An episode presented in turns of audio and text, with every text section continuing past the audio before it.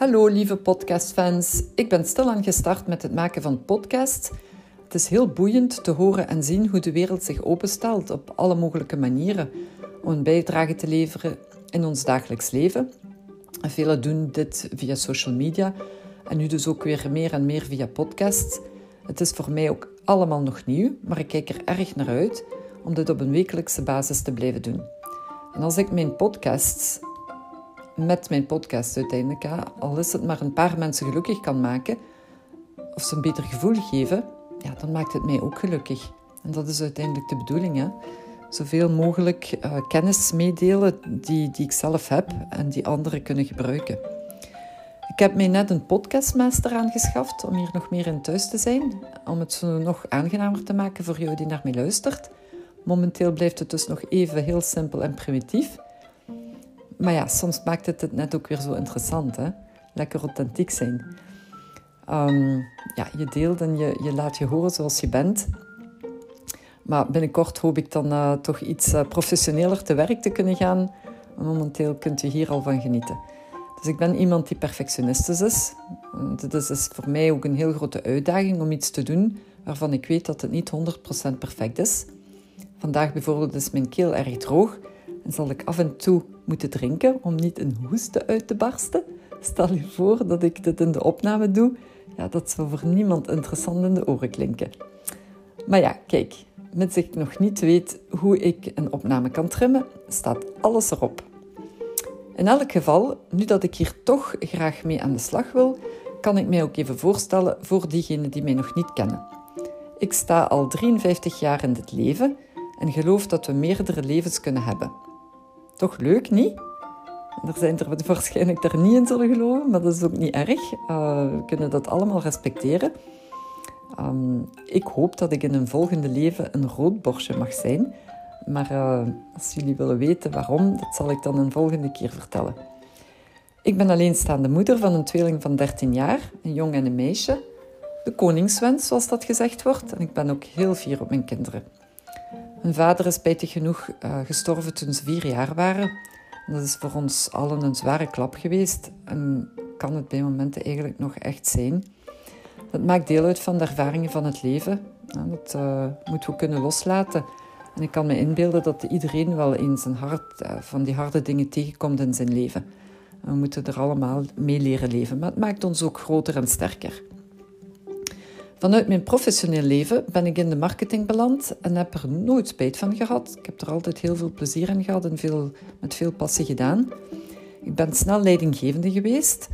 Eerst voor een enkele persoon, maar later heeft zich dit uitgebreid tot teams van een vijftigtal mensen over de wereld.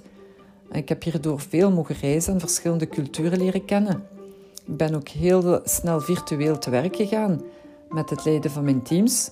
Dus hetgene wat we met de COVID meegemaakt hebben, ja, dat, dat was eigenlijk voor mij niet nieuw. Um, ik heb dat al heel snel kunnen aanpakken. En dat maakt dat we eigenlijk uh, in die veranderingen ook snel onszelf kunnen terugvinden en, en weten hoe, dat, hoe dat we met nieuwe dingen te werk kunnen gaan. Dat is toch gewoon heerlijk. In elk geval, uh, ik, vind, ik vind dat altijd boeiend als we nieuwe dingen leren. Ik ben ook snel gaan voelen dat mijn passie meer en meer uh, uitging naar het people management en het coachen. Dus daardoor ben ik in 2018 twee coachingopleidingen gaan volgen en heb dat in 2021 nog eens gedaan voor een, een derde. Um, dus vanaf vandaag, 1 april, en dat is geen grap, ben ik ook officieel een zelfstandige ondernemer die 200% wil gaan voor het begeleiden van managers in een professionele en privéomgeving. En dit rond het thema van intuïtief leiderschap. Als leidinggevende ben je altijd, of ben ik eigenlijk altijd heel transparant geweest en ben ik veel op mijn gevoel afgegaan. Ik heb altijd de tijd genomen om naar mijn collega's te luisteren en aan te voelen wat er speelde. Ik kon snel beslissingen nemen, overwogen op basis van feiten, maar ook dikwijls op het juiste buikgevoel. En mijn collega's noemden mij een professionele maar humane manager. Het is net die combinatie die het zo interessant maakt. Want dat is waarom mensen achter je gaan staan in eendert welke situatie. En dat heb ik echt meegemaakt. Ik voelde dat de teams in de meest moeilijke periodes echt achter mij stonden.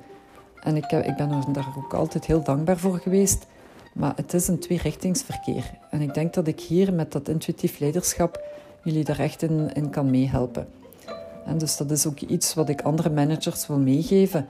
Ehm, dat intuïtief leiderschap is het leren van, van wie je zelf bent en wat je nodig hebt om er voluit te staan. Wat je vandaag tegenhoudt. Hoe je 100% het vertrouwen van je team kan krijgen. Maar ook dat van andere collega's buiten je team. Want die zijn ook even belangrijk in hoe dat je projecten gaat managen en hoe dat je eigenlijk tot aan je doel kan geraken. Dus je kan je niet uitsluiten. Het zal je leren balans te zijn met wie je bent en wie je wil worden. Zowel in je werkomgeving als eigenlijk je, je familie en je vriendenomgeving. De maatschappij maakt het niet simpel om jezelf te kunnen zijn. We zien zoveel voorbeelden op social media van succesvolle mensen. We zien veel mensen met, met de schijn ook. En toch komt het woord authentiek zijn meer en meer naar voren. We horen het dagelijks uh, van dit is authentiek en ik ben authentiek en dat moet authentiek zijn. Wat het effectief betekent en hoe je er naar kan handelen is nog wat anders. En niet iedereen kan dat zomaar vanzelfsprekend. Omdat het ligt aan je patronen, hoe dat je opgevoed bent geweest, hoe dat je eigenlijk in je job bent geraakt, hoe dat je manager uh, met je om is gegaan. Maar als je iemand bent die um, erop wil vertrouwen dat hij dat wel wil zijn en zich daar volledig in wilt gaan verdiepen en, en zich daar ook voluit voor wilt uh, ja, laten leiden, omdat je dan zeker een beter gevoel gaat krijgen van, van wie je bent en wat je ervan kan uh, terugkrijgen, heb je hiervoor wel een lijst van ingrediënten nodig.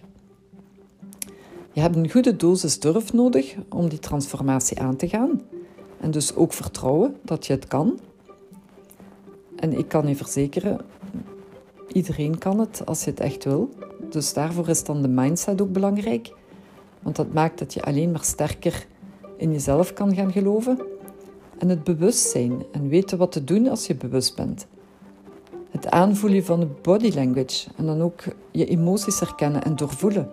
Het zijn allemaal belangrijke ingrediënten om tot dat intuïtief leiderschap te kunnen komen. En dan heb je de wilskracht om als manager te werk te gaan aan jezelf en je succes, maar ook te zorgen voor het succes van je medewerkers, dan is intuïtief leren leiden echt iets voor jou. Mijn advies van vandaag: begin al jezelf te durven zijn en zie wat dit met zich teweeg brengt rond jou. Elke week vertel ik hier meer over dus blijf me zeker volgen.